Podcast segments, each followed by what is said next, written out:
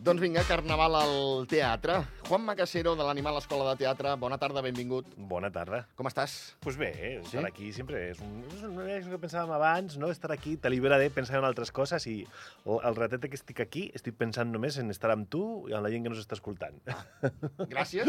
és veritat? I, I si et serveix de desconnexió, també me n'alegro. Sí, sí, sí, sí. El, el ratet de preparar... Avui parlava amb la Irina, no? El ratet de preparar el programa, venir aquí, també m'ajuda a sortir de, de certes rutines, clar. de certes monotonies, a recuperar temes, a fer, i és com, mira, pues és una hora, una hora i pico de, de coses que, que me situa i me, me col·loca en un lloc, pues mira, molt xulo per mi.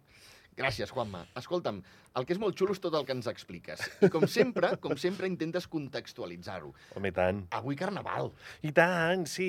Ara, ara estava sentint el, el programa que faràs avui, uh, con, el, con el Toni Joubert, que ve, Sí. sí. Joubert, que ve després, l'òpera de Verdi, que estava pensant, clar, clar, clar, és que en l'òpera l'òpera italiana també té molta vinculació amb, amb el tema del, del carnaval. I, bueno, pensava en tot el programa i és molt interessant, eh, el, el, programa d'avui. I sí, clar, és que... El, eh, mira, jo sóc fan del Carnestoltes, he sigut molt fan del Carnestoltes fins Carai. que he començat a fer teatre a nivell professional. Curiós, saps? Hasta curiós. los 20 i tants anys jo me disfressava, sortia, entrava, però de, de sobte entres en rutines laborals que quieras que no, maten aquell... Ja te disfresses molt durant l'any. Que ja no, ja no vols més. No, no és que no vulguis, sinó que et perds aquesta il·lusió per, per transformar-te en qui no ets, que a vegades el carnaval Sí, té aquesta cosa, sí, no? Sí, sí, sí, sí, sí. i el teatre i fer de que no eres i disfressar-te i posar-te una màscara és el pan nostre de cada dia. De fet, um, màscara, la paraula màscara, té la raïz um, grega de prosopopeia, que vol dir uh, una altra persona o lo que va davant de la persona. No? Màscara és el, lo que va davant de la persona. I al final, tot això ve per definir personatge. No? Màscara i personatge són, en, en, en origen, dos paraules que tenen molt a veure i que pots, poden arribar a ser sinònims. Aquesta de prosopopeia potser no sona una miqueta més estranya, és molt xula dir-ho. Eh? No, Això- home, això, això m'ho apunto jo, Això- això per una això- conversa... Gràcies a tu quedaré molt bé. Home, ja i tant, són aquestes paraules que has de ficar en alguna conversa. Sí, Sí, esto te pointa de prosopopeia. bueno, i això fa, bueno, des de l'inici de l'origen del teatre, la, la màscara i la disfressa ha estat molt present. Jo volia parlar un poco, fer, he fet un recull de tres textos, tres obres en tres moments del temps, que també tenen no només la màscara, sinó el carnestoltes o el carnaval com a part de la seva, de la seva història. No? La més antiga, la més antiga, que té una vinculació molt moderna, és un texto... Bueno, no era un texto, era una festa. Una festa. Era una festa Carai. al Sigle d'Or, que era el combate de Don Carnal i Doña Quaresma. Ostres. El combat entre, bueno, pues el, el que se feia el, el martes de Carnaval o dimecres de Carnaval, Sí. y que está registrat com Lope de Vega era uno de los que combatían, ¿no? Era, bo. eran combats culturals uh, entre, entre l'exceso, Sí. Don Carnal, i el, el, bueno, el fet de la contingent, no sé com dir-ho, no? El, el, bueno, Reprimir-se. reprimir-se, no? Que era, que era Doña, Quar Doña Quaresma, que era el temps que venia. I això estem parlant 1500, ja dic, segle XVII, segle d'or, perquè eh, després donaré un apunt, estem parlant de textos on parlaven de que era el propi Lope, el propio Lope, el que participava com a personatge, no? I Alonso de Santos, en, a finals dels anys 70, va fer un recull d'aquestes batalles, del combat de Don Carnal i Dona Quaresma, i hi ha molts pobles, molts jocs que fan servir aquest recull de textos, versos, festes, per, per jugar el dia de, el, el, dia, el dimecres de, de cendre. De cendre. El dimecres de cendre. Molt bé. Tengo más. Mira, algunas seguro que, os, que, que nos suenan. El Mercader de Venècia. Home, sí. El Mercader de Venècia de, de, de Shakespeare. Sí, Ahí tenim, sí. tenim moltes coses perquè tenim Venècia, que tothom associa com ciutat del carnaval, Sí. que además es molt curioso porque la màscara típica esta veneciana, tota aquesta màscara que tothom le ve al cap quan parlem del carnaval de Venècia, està inspirada en les màscares de la comèdia de l'arte que hem parlat aquí alguna vegada sí. de què és esta corrent teatral del segle XVI que va, bueno, que és un poco pare de, de tot el teatre, no? Aquestos còmicos de l'improviso, que tots els personatges portaven una màscara i segons la màscara que portaven era el personatge que interpretaven. Val. hi un personatge de la comèdia de l'arte, el personatge típic que es diu Pantalone, que és un, un vell, no? que és veneciano, además, no? I els venecians pues, van, van arrossegar tota aquesta tradició italiana, clar, van ser molts anys de comèdia de l'arte, va ser una corrent teatral que se va expandir per tota Itàlia, per tota Europa, que va tenir molt, molt, molt, molt de pes, i se va fer molt popular, tan popular que el Carnaval de Venècia les va agafar. És veritat que a los puristes de la comèdia de l'art, lo de que són màscares del carnaval veneciano no les fa massa gràcia, Ja. no? És com disfrazar-se de algo que sembla que no t'hauries de disfrazar, no? Ja. Però bueno, ahí està, no? Sí, sí, no, no. Què seria Venècia sense el Home, seu carnaval, sí, sí, eh? Ja t'ho sí. dic ara, perquè vas, vagis l'època que vagis a Venècia, el producte estrella són les màscares. Són les màscares, eh? sí. Jo, jo és un viatge d'aquests que tinc, que tinc Tens pendents. pendents. Eh? Que tinc pendent. No tant pel carnaval, sinó per la ciutat en si. Sí, home, i, ja has d'anar, ja has d'anar. Sí, sí, no? Lo tinc allà. Ve- Venècia i Florència són les dues ciutats italianes que me queden allà Home, xapó, xapó, xapó. un xapó. pendent. I, I vaig estar buscant, bueno, fent un poc aquesta informació, me va resultar un dato curiós, que el Carnaval de Venècia és molt jove. El Carnaval modern que coneixem nosaltres és, és molt jove perquè aquest fulgor per les màscares i tal sí que és molt antic, sí que ve del segle XI, perquè així la, les classes baixes i les classes altes se podien Barrejar. eh, barrejar, perquè la màscara, clar, feia que el ric se pogués ah, mezclar, barrejar, i Napoleón lo va prohibir. Va prohibir porque era como, bueno, esto de masa festa y esto nos, va, esto nos va a dar muchos problemas. Sí, no, no va bé, val. I fins al segle XX no es va recuperar. Uf, A principis del segle XX no es va recuperar el carnaval como, bueno, suposo que como lo, lo entenem ara, ¿no? sí, sí, Més- sí, sí. me- més lúdico. En el Mercader de Venecia tenemos a Venecia, tenemos este carnaval que encara... El, carnaval, el Mercader de Venecia és de l'any 1600 i es va estrenar el 1605 el dimarts de Carnaval. O sea, allà davant del Jacobo I, allà se va estrenar. I després, en la pròpia obra, que no, no explicaré l'argumento, però té coses molt interessants, hi ha un judici, en l'obra hi ha un judici, Uh -huh. y el carnaval, la festa, la disfressa, está ahí porque la protagonista, una de las protagonistas femeninas de la funció, és disfressa d'advocat. Val. És disfressa d'advocat. Uh, hi ha un personatge típic del teatre shakespeariano, que és el jueu Shylock, uh, que, que és uno de los personajes míticos del, del teatre uh, shakespeariano, no? el, el Shylock, que le deixa diners a una persona i si no cumple, si no le torna els diners en el termini que han acordat, ha de pagar una libra de carn del seu cos. No? Anem forts. Sí, sí, sí, s'ha d'arrencar una libra, no sé com és una libra, un quilo i pico de carne, no? Teòricament, a la meva època, pensa que jo sóc xarcuter.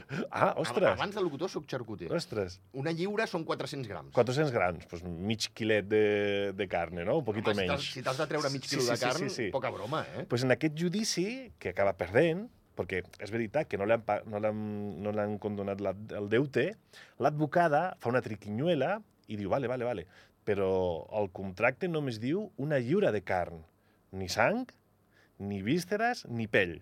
Entonces le dona un ganivet i li diu, si cau una gota de sang, perds el judici. Perquè només vols carn, no vols sang ni vols res més. Ostres. Entonces, clar, Shylock és com... No? Eh, Per, per el, el judici té moltes més coses, no?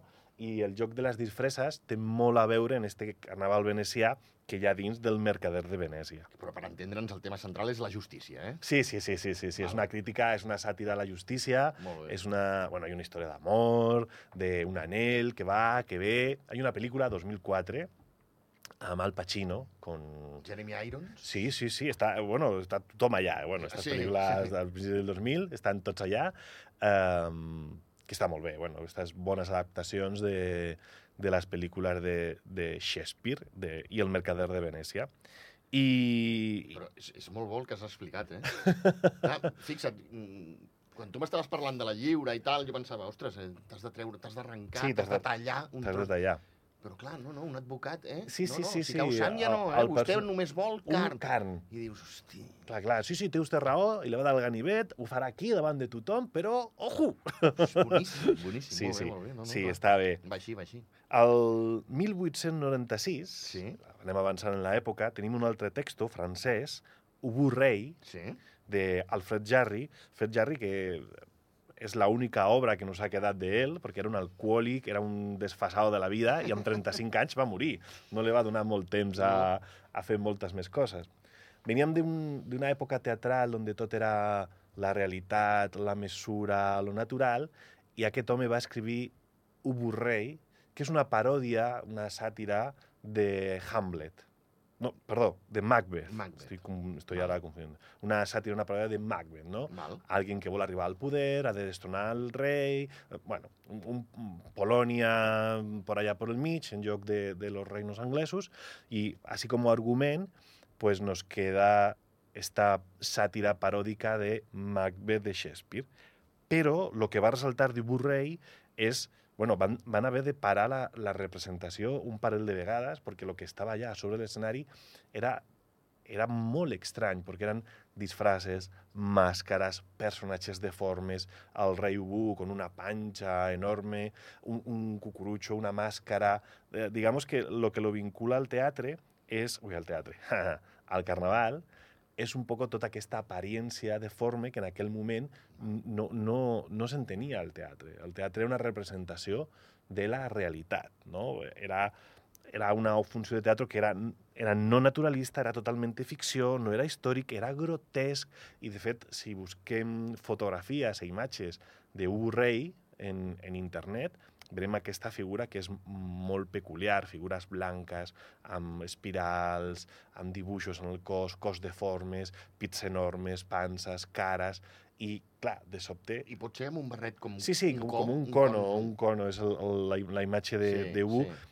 Clar, al públic, eh, tu vas a ver una cosa com molt seriosa, perquè el teatre és una cosa molt seriosa, el teatre ha de representar la vida, lo natural, i t'encuentres allà que la primera paraula que diu aquest espectacle és merde. I entonces allà tothom se fa les manos al cap. Clar. Además es així, no? En el text també eh, és de los primeros textos que fan servir un llenguatge, bueno, los primeros textos fora dels grecs, un llenguatge soez. I aquesta paraula, la paraula merde, que aparece en el texto i que és la primera paraula que es diu, també va ser molt impressionant eh, a la societat de l'època. No? Com una disfressa, com un vestuari que ara estem superacostumats. Uh -huh. és, és impensable anar al, a un... Imagina, no? Vas a una funció de teatre i t'escandalitzes perquè els personatges van disfressats. O Sí, sí, porten un sí. vestuari que no és un vestuari acorde amb la vida, no? Um, no, no, no, no, no, no, no. Pues eso va, va escandalitzar a la societat de París de, de finales del, del, sigle, del sigle XIX.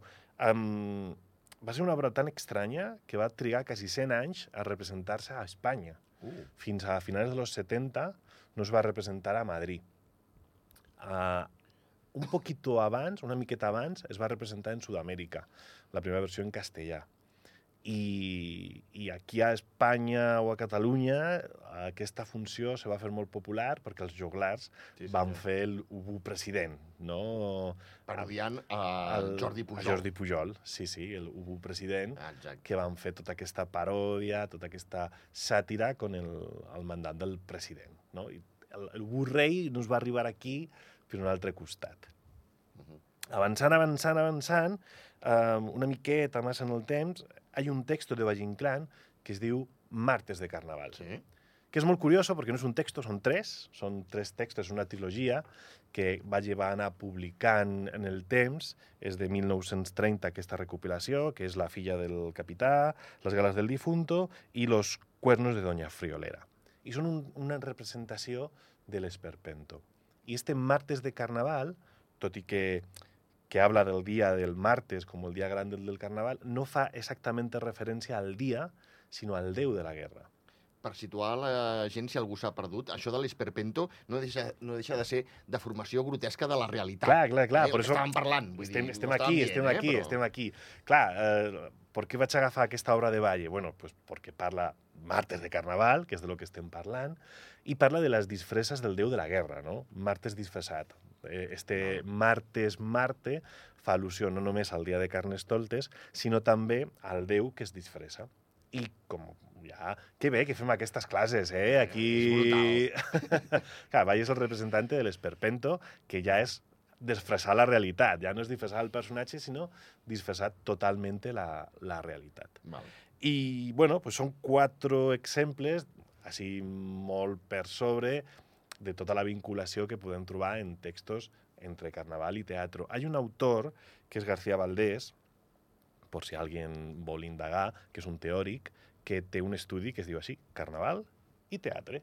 I, Ah. O Teatre i Carnaval. Ara no sé, crec que és Teatre i Carnaval, i se pot trobar per internet. És un, està gent que se dedica a investigar Sí. i has de llegir-ho, està escaneado en PDF, bueno, has de, has de portar, pos, posar-te una estona, eh? Val, val. Però si, si us agrada el tema, ell fa, fa un estudi molt xulo un poco de tota aquesta vinculació des del principi de los orígens del teatre. val. Estava buscant si era primer teatre i després carnaval, però vaja, que... Teatre- Que això sí que trobar-ho... Eh... Crec que és teatre i carnaval. Teatre i carnaval, teatre i carnaval. Si alguien, de totes maneres, no, no, no, ho sé, no, no ho hem dit, però si alguien d'algun tema de lo que estem parlant té algun dubte i vol saber Exacte. més, a mi se m'ubica molt fàcil, se me troba molt fàcil, perquè el dia que no estic aquí a la ràdio, pues estic a l'animal. És, eh? Carnaval i teatre. Ah, carnaval i teatre, mira. Carnaval i teatre. Ahí estem, pues molt bé. Sí, sí. pues, eh, és un, un estudi que fa aquesta vin vinculació. I si alguien vol saber més, pues ahí, te, ahí pot llegir. Molt bé, perfecte. Mira, Perfecte. Escolta'm, eh, agenda. fem agenda. Eh, jo deia al principi, em sembla que ja estaves per aquí, que la gent es vagi reservant divendres i dissabte de la setmana que ve.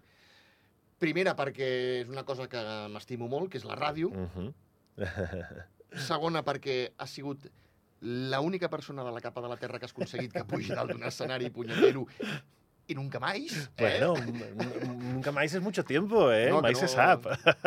Vaig destrossar-ho, home. Som l'olla. Uh, i, I tercera, perquè, home, és aquí, Ràdio Andorra. Aquí, Ràdio Andorra. Sí, la setmana vinent, a part de els esdeveniments de Carnaval, que suposo que haurà molts repartits per totes les parròquies, que això també pues, bueno, pues fa escenari, tenim una funció de teatre el, el 16 i el 17 a l'edifici de Ràdio Andorra, en Camp, a les 8 del vespre, tenim aquí Ràdio Andorra. És entrada gratuïta, s'ha de reservar, això sí, Mhm. arxiu, és una funció que promou Arxiu Nacional d'Andorra, Sí, doncs és arxiu... eh, guió baix, guió baix, nacional, guió baix, Andorra, arroba govern.d. Eso es. I, de totes maneres, si alguien contacta amb nosaltres, eh, també podem ajudar a gestionar les entrades, clar que sí. I sí, eh, ara comentàvem, fa just un any, en el Dia Mundial de la Ràdio del 2023, vam fer funció d'aquí Ràdio Andorra a l'edifici d'Encamp i va ser molt bonic.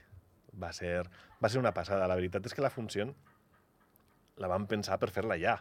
Eh, bé, eh, o bé. vam fer funcions a Escaldes, hem fet funcions a la Massana, però, clar, com no? Com tenim l'edifici, tenim l'oportunitat i recuperem dos dies, perquè l'any passat només va ser un dia. Sí. Al final és un espai no convencional, con lo qual l'aforament és reduït, i aquest any han proposat dos dies no sortim del dimarts, que és el Dia Mundial de la Ràdio, i anem de divendres i dissabte, que sembla que el cos... això, és la mateixa setmana, està molt bé, sí, home, està sí. molt ben lligat. I, I sembla que divendres i dissabte tens el cos més, més preparat sí, per, anar, Sí, home, sí, correcte. per anar al teatre. I allà anirem, allà anirà pues, els, els actors, que són la Núria Montes, el, el Jonathan, el Pere Tomàs, la Carol Cauvet i la nostra pianista, la Dèbora, eh, amb la Lua Roca a la producció, i, i bueno, jo que estaré per allà jo mateix, que no me perdo una. Um, Bueno, bà- bàsicament perquè el text és teu i la Sí. direcció és teva. Sí, però jo no surto, jo no dic sempre. Jo, al final, estic per allà, però els que defensen l'espectacle són els actors.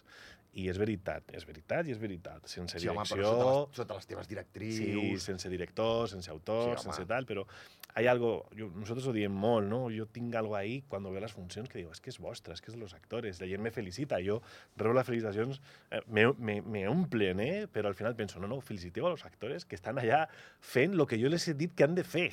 O sea, és gent que se cree lo que tu les estàs dient i surten allà a defensar-lo.